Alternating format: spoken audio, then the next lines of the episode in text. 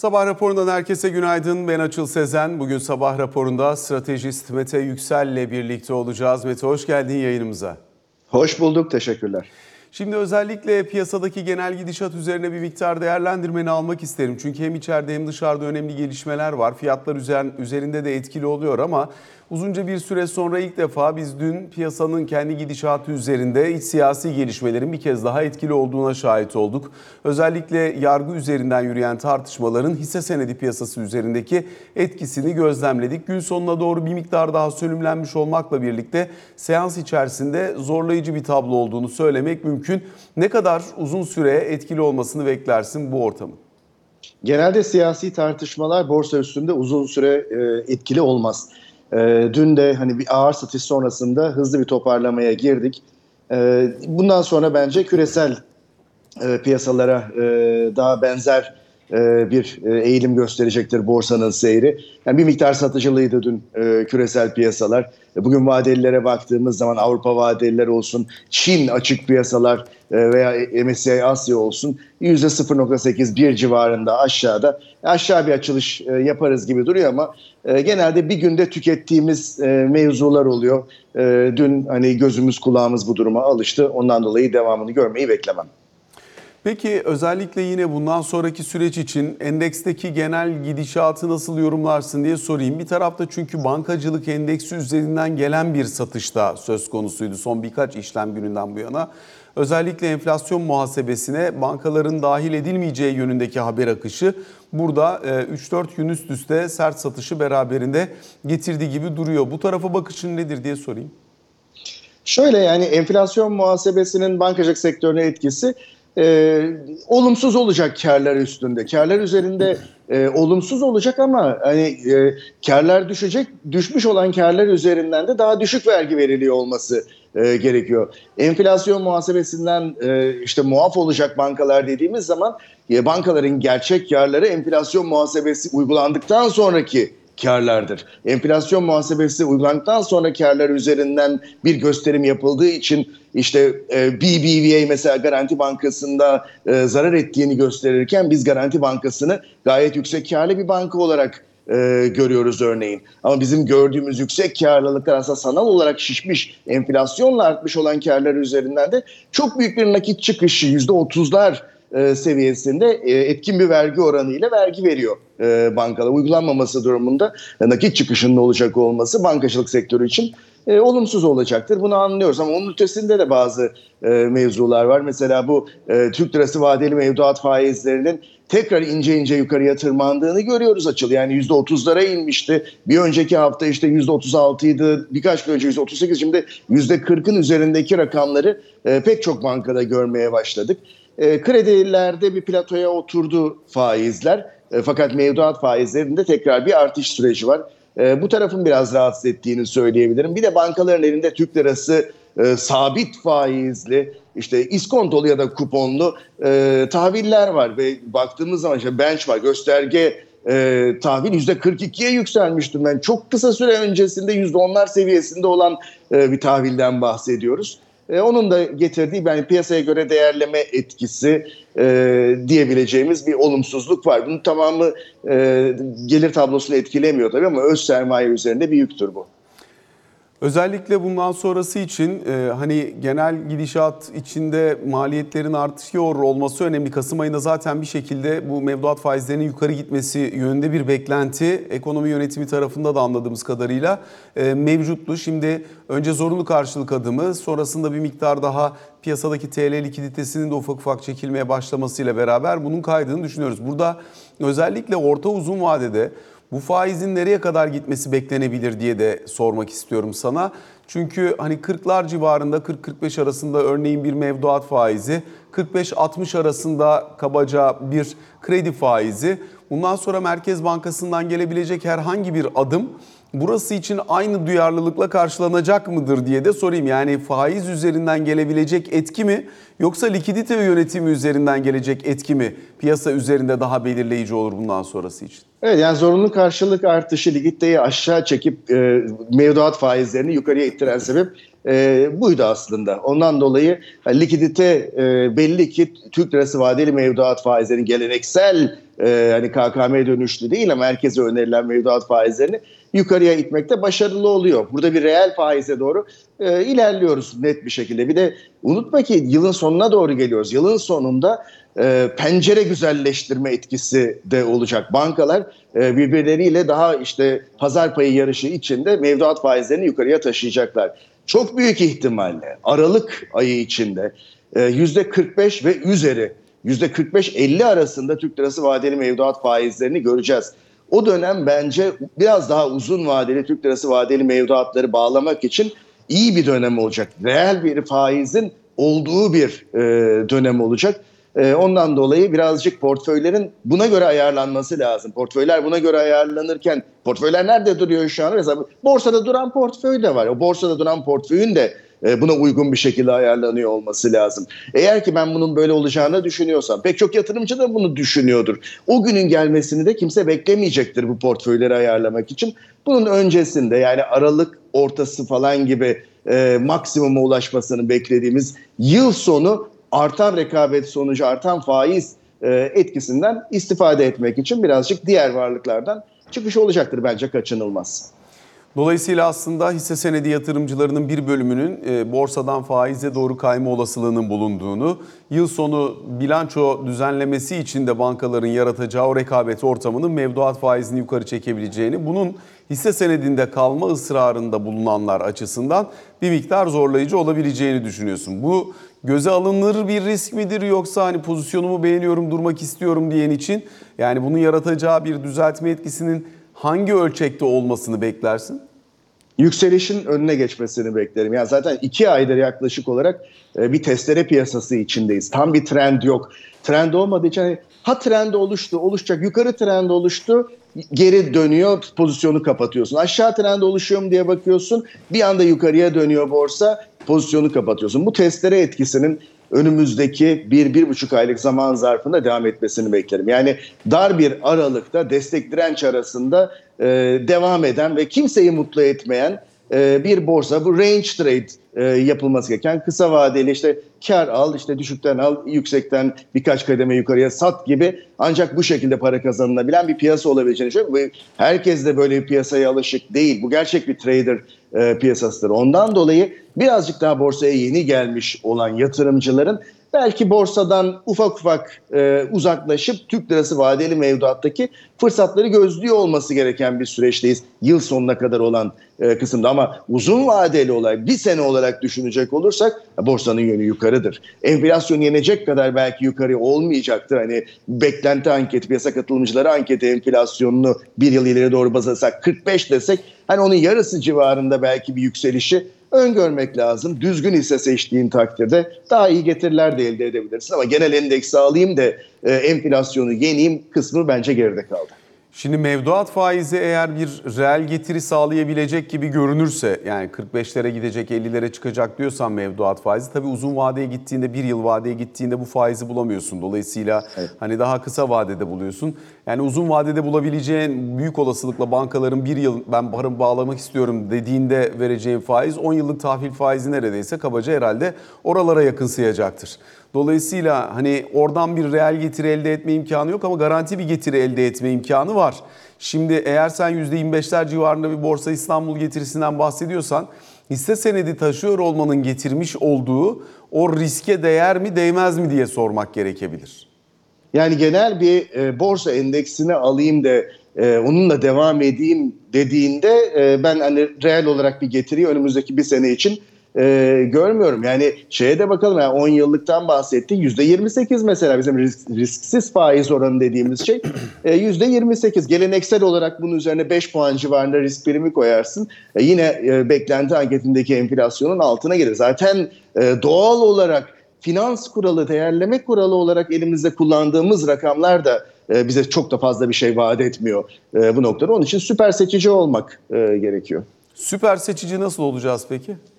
Şöyle şuna bakıyoruz. Üçüncü çeyrek e, mali tabloları geliyor. Üçüncü çeyrekte iyi açıklamasını beklediğimiz bir takım sektörler ve şirketler vardı. Yani içinde bulunduğumuz tema olarak o temaya uygun şirketlerin iyi açıklamasını bekliyorduk üçüncü çeyrekte. Neydi bunlar? İşte iskontolu gıda perakendeciliği, otomotiv, beyaz eşya gibi sektörler bunlar zaten iyi açıklaması bekleniyordu. Beklenen iyi ve şişirilmiş rakamlardan bile çok daha yüksek karlar açıkladılar e, üçüncü çeyrekte. Çünkü tema e, bu tarafa doğru dönüyor.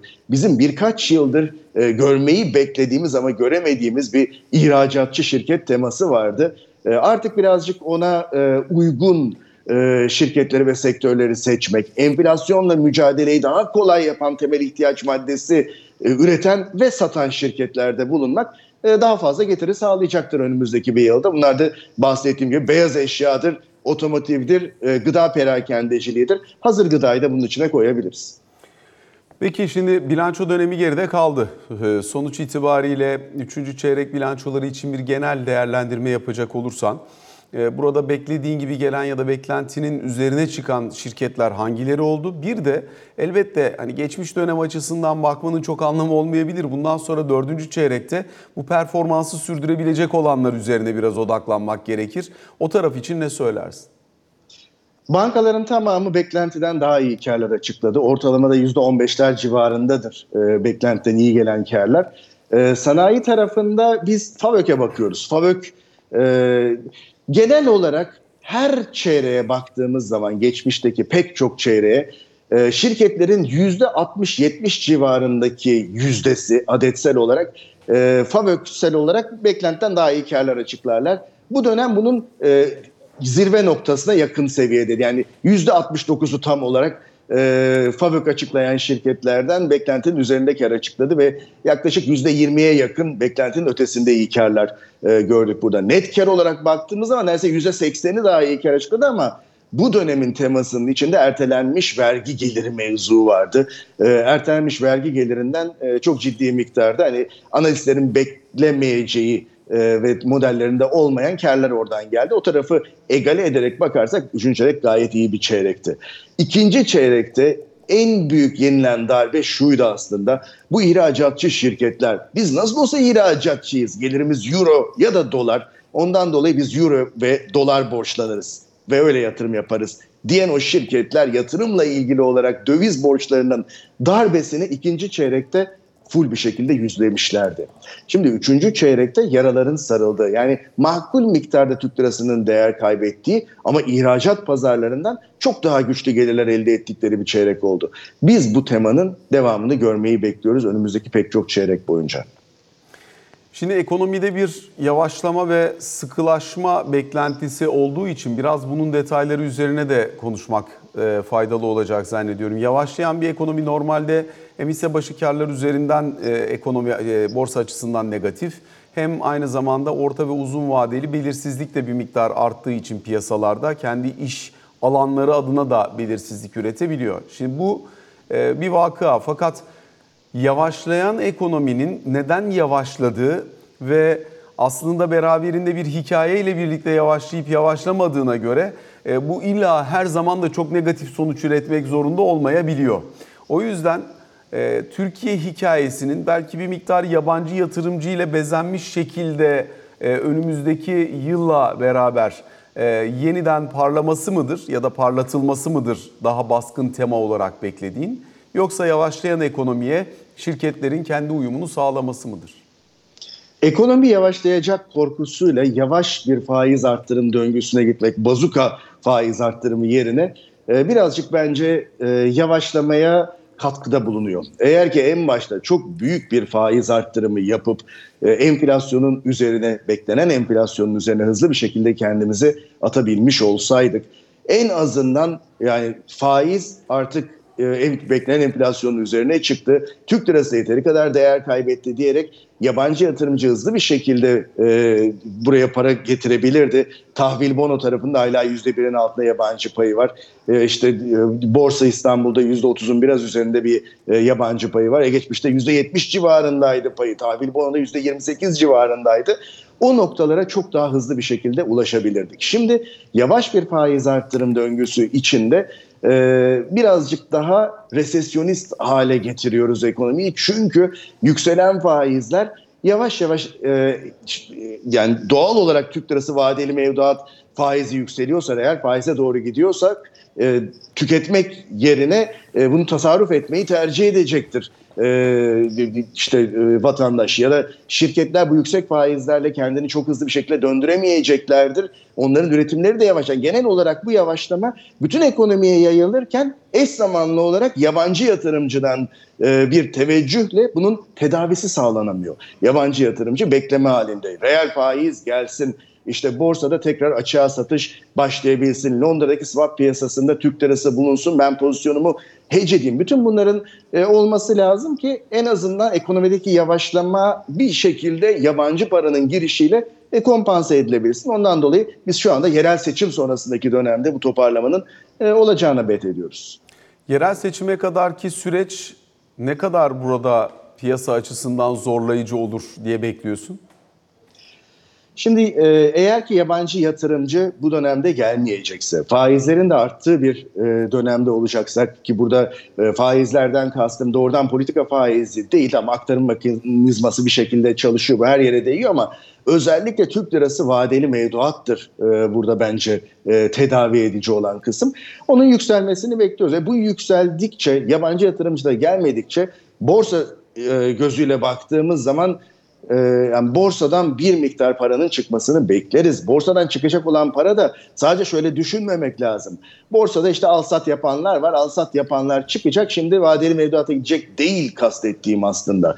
Burada emeklilik fonları var. İşte e, diğer yatırım fonları var. Oradaki e, çok ciddi bir birikim var. O kişiler eğer ki ya işte geçmişe bakıyorum bir yılda yüzde otuz beş getirmiş. Ben şu anda bankaya koysam mevduata %45 getirecek bir de e, fon yönetim ücreti de ödemeyeceğim. Ben niye oraya gitmiyorum diye eğer ki emeklilik fonlarından ya da diğer e, A tipi B tipi fonlardan biraz uzaklaşmaya başlarsa metazori olarak kendisi istemese bile değerlemeleri cazip bulsa bile portföy yöneticisi satıp çıkmak zorunda kalacaktır. Bu redemption e, dediğimiz bir şey yani fonlardan çıkış.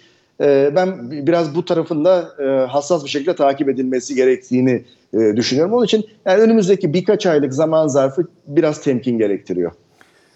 Yurt dışındaki tablonun bize potansiyel etkisini nasıl görürsün? Çünkü aslında yurt dışında işte Amerika'da birkaç hafta e, zorlanan bir piyasa gördük. Ardından Fed Başkanı'nın açıklamasıyla birlikte piyasa işte bu faiz artırımlı işi sona erdi. Dolayısıyla biz bundan sonra çok mutlu, mesut hayatımıza devam edebiliriz gibi bir fiyatlamaya doğru gitti. Muazzam bir e, hisse senedi haftası. Bono tahvil piyasasında işte 5.06'lardan 4.5'lara kadar dönüş.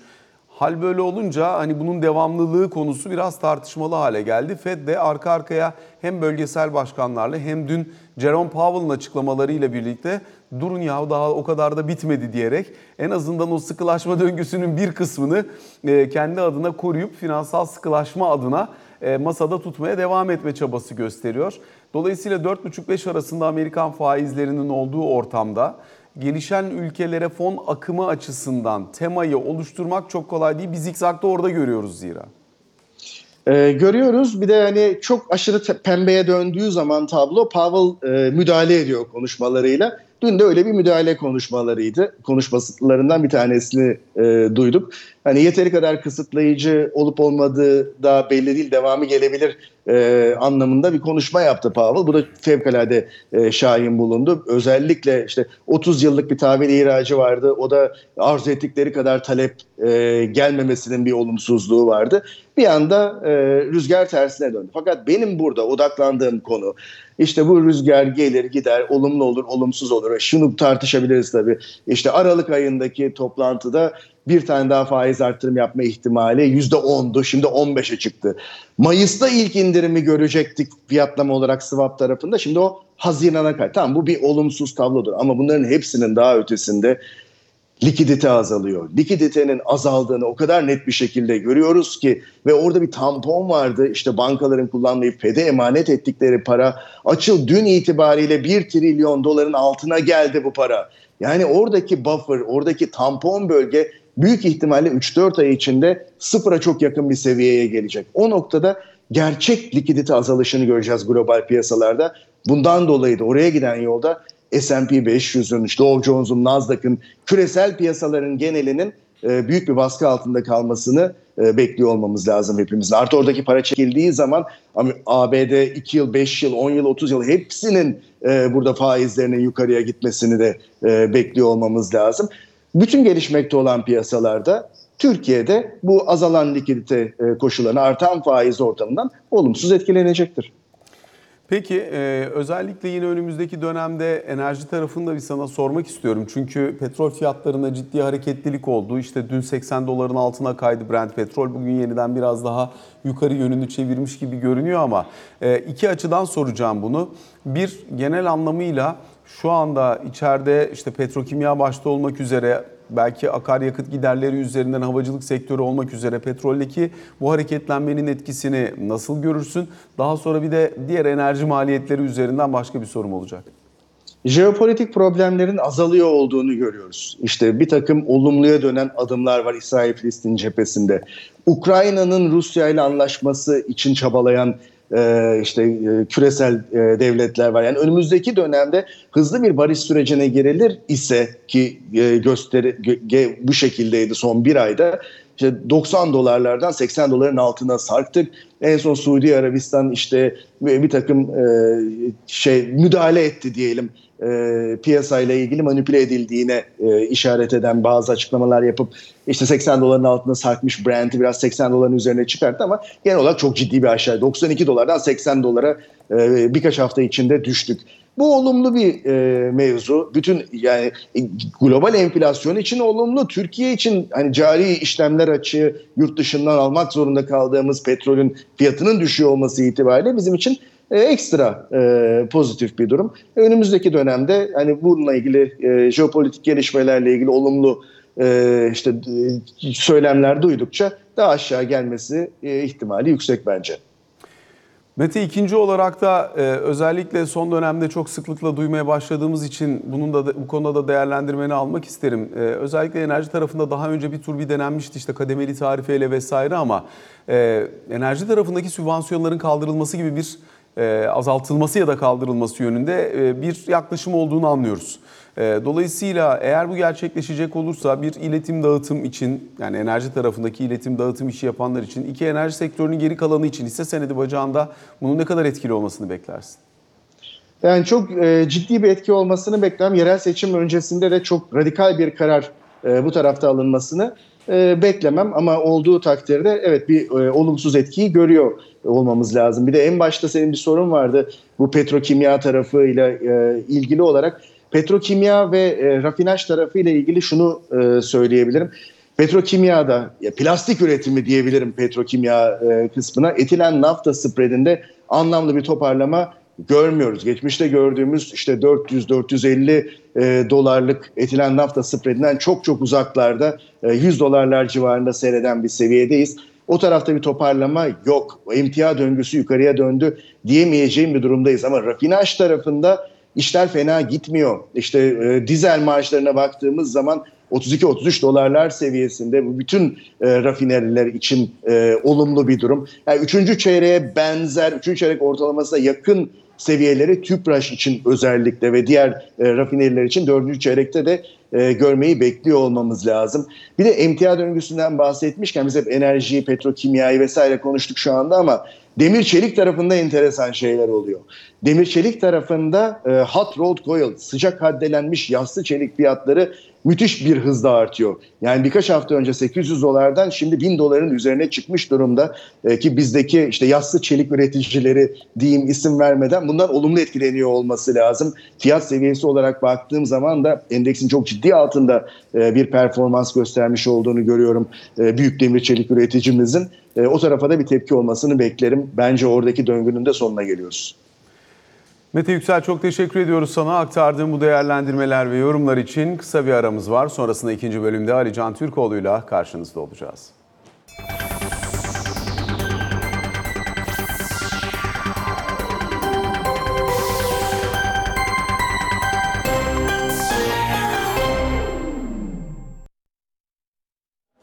Sabah raporunun ikinci bölümünde Ali Can Türkoğlu ile birlikteyiz. Ali Can günaydın. Günaydın. Şimdi piyasa üzerinde de dün büyük bir etki yarattığını söyleyebiliriz. Bu yargı üzerinden yürüyen tartışmanın. Dolayısıyla burada e, hani milli yargı üzerinden de yürümeye başlayan bir tartışma var. Anayasa Mahkemesi konusunda. Bu ne kadar ileriye taşınabilir, ne kadar büyüyebilir bir tartışma bence biraz üzerine konuşmak lazım. Şimdi devam edecektir bir kere siyaseten tartışması konunun. Yani hem Türkiye Büyük Millet Meclisi'nde muhalefetin hem Türkiye Büyük Millet Meclisi dışında da muhalefetin özellikle Cumhuriyet Halk Partisi, İyi Parti tarafından açıklamalar da geliyor. Mecliste buna ilişkin e, yeni protestolar da olacak gibi gözüküyor muhalefet milletvekilleri tarafından. Dolayısıyla bu konu öyle kolay kolay muhalefetin rafa kaldıracağı bir konu olacakmış gibi gelmiyor bana. Ama genel tartışması ne kadar sürer bence ben bugün Cumhurbaşkanı'ndan bir açıklama gelmesini bekliyorum bir kere. Özellikle e, Özbekistan dönüşü, uçakta e, muhtemelen bu konuda gündeme gelmiştir ve değerlendirme yapmıştır. Yapmamış olsa bile bugün ben bu konuyla ilgili olarak Cumhurbaşkanı'nın bir şekilde e, bir açıklama yapmasını bekliyorum. Buradaki beklentim de özellikle e, kendisine yakın isimlerin yapmış olduğu açıklamalara dayanarak işte mesela Mehmet Uçum'un sosyal medya üzerinden yapmış olduğu açıklamalar var. Yargıtay'ın kararını e, savunup Anayasa Mahkemesi'nin kararının aslında e, anayasanın 14. maddesine aykırı olduğu yönünde değerlendirmeler yaptı Mehmet Uçum mesela. E, bu açıdan ben bugün Cumhurbaşkanı'nın da Yargıtay'ın almış olduğu kararın ön plana çıkarıldığı e, ve Anayasa Mahkemesi'nin de Yargıtay'ın almış olduğu kararı hiçe saymaması gerektiğine e, gerektiğini ön plana çıkaran bir açıklama yapmasını bekliyorum. Yine parti içine yönelik de muhtemelen açıklamalar yapacaktır. Çünkü AK Parti içerisinden de e, hem Yargıtay kararını ve hem Yargıtay kararının doğru olduğunu düşünenler hem de Anayasa Mahkemesi'nin kararının do- yargıda herhangi bir şekilde ikilik çıkmaması gerektiğini savunanlar da var. Dolayısıyla bugün Cumhurbaşkanı'nın yapmasını beklediğim açıklamayla ben AK Parti içindeki tartışmaların da e, veya farklı şekilde ön plana çıkan fikirlerin bundan sonra çıkmayacağını düşünüyorum. Dolayısıyla AK Parti kanadı ve Milliyetçi Hareket Partisi kanadı Yargıtay'ın kararının doğru olduğunu savunan yönde açıklamalara daha fazla ağırlık Zaten Bahçeli'nin vereceklerdir. daha önce açıklaması olmuştu yani Anayasa Mahkemesi'nin kaldırılması gerektiği yönünde açıklaması da olmuş. Evet o nokta en, en üst noktaydı tabii. Hani o noktaya kadar taşınacak bir yeni tartışma alanı olacağını düşünmemekle beraber e, bugün en azından siyasetin AK Parti Milliyetçi Hareket Partisi tarafının e, fikir görüşünün daha net olarak ortaya konduğu ama bundan sonra da farklı konuların gündeme getirileceği bir sürecin o taraf için yani AK Parti Milliyetçi Hareket Partisi kanadı için öne çıkacağını düşünüyorum ben. Peki orta uzun vadede yine bir anayasa referandumu tartışması olduğu için biraz onu da ona da zemin hazırlayan bir tartışma oluyor denilebilir mi? Denilebilir, bu yorum yapılabilir. Ee, doğru da bir yorumdur aslında. Önümüzdeki dönemde belki daha da fazla da konuşulacaktır. Ama ben seçim gündemi ön plana çıkınca, şimdi Kasım'da kamplara gidiyor siyasi partiler. Tekrar yerel seçim adaylık süreçleri başlıyor. Buna ilişkin başvurular alınmaya, başvuruların değerlendirmeye başlaması, temayül yoklamaları başlayacak. Dolayısıyla bu süreçte ben özellikle bu ayın sonlarına doğru e, gündemin tekrar yerel seçim gündemine döneceğini ve adaylar belirlenmeye veya adaylar çıkmaya başladıktan sonra da bu tartışmanın daha geri planda kalacağını düşünüyorum işin doğrusu. Ama yine de her ne olursa olsun Türkiye'de e, şu anda yargısal anlamda bir sıkıntının olduğu açık ve bu konu tam olarak çözüme kavuşmadan da muhalefet partilerinin bu konuyu gündemden düşürmemek için ellerinden geleceği yapacak, ellerinden gel- geleni yapacakları yönünde de bilgiler var. Bizzat kendi e, genel merkez yöneticilerinin yapmış olduğu açıklamalara dayanarak. Peki şimdi gündem maddelerini geride bırakalım ve bugünün önemine dönelim. Bugün 10 Kasım. Dolayısıyla Gazi Mustafa Kemal Atatürk'ün e, ebediyete intikalinin yıl dönümü. Türkiye Cumhuriyeti'nin kurucusu, büyük devlet adamı, büyük devrimci, büyük dönüştürücü Gazi Mustafa Kemal'i bir kez daha saygıyla milletle anıyoruz. Ee, her sene biz 10 Kasım'da yayın yaptığımızda da her sene e, Atatürk'ü anmaya başladığımızda da andığımızda da yani sadece 10 Kasım'la e, sınırlı değil tabii ama 10 Kasım özelinde çok daha fazla hissederek yaşıyoruz bazı e, hisleri çok daha fazla yaşıyoruz. Her geçen gün, her sene de Atatürk'ün ne kadar büyük bir insan olduğunun ve öneminin daha fazla farkına varıyoruz. Ee, işte 85. yıl geride kalmış. Biz bu coğrafyada e, yaşamanın zorluğundan bahsederken bu coğrafyada yepyeni bir devlet kurup o devleti e, demokrasiyle, cumhuriyetle birleştirip o devlet içerisinde, bu topraklar içerisinde yaşayan herkesin, kadını, erkeği, yaşlısı, genci e, aynı haklarla daha e, üst planda yaşaması için elinden gele- e, geleni yapan bir bireyden bahsediyoruz. Dolayısıyla bir kez daha e, Atatürk'ü çok büyük bir özlemle e, ve her gün artacak sevgiyle, saygıyla, özlemle, rahmetle andığımızı tekrarlamak istiyorum.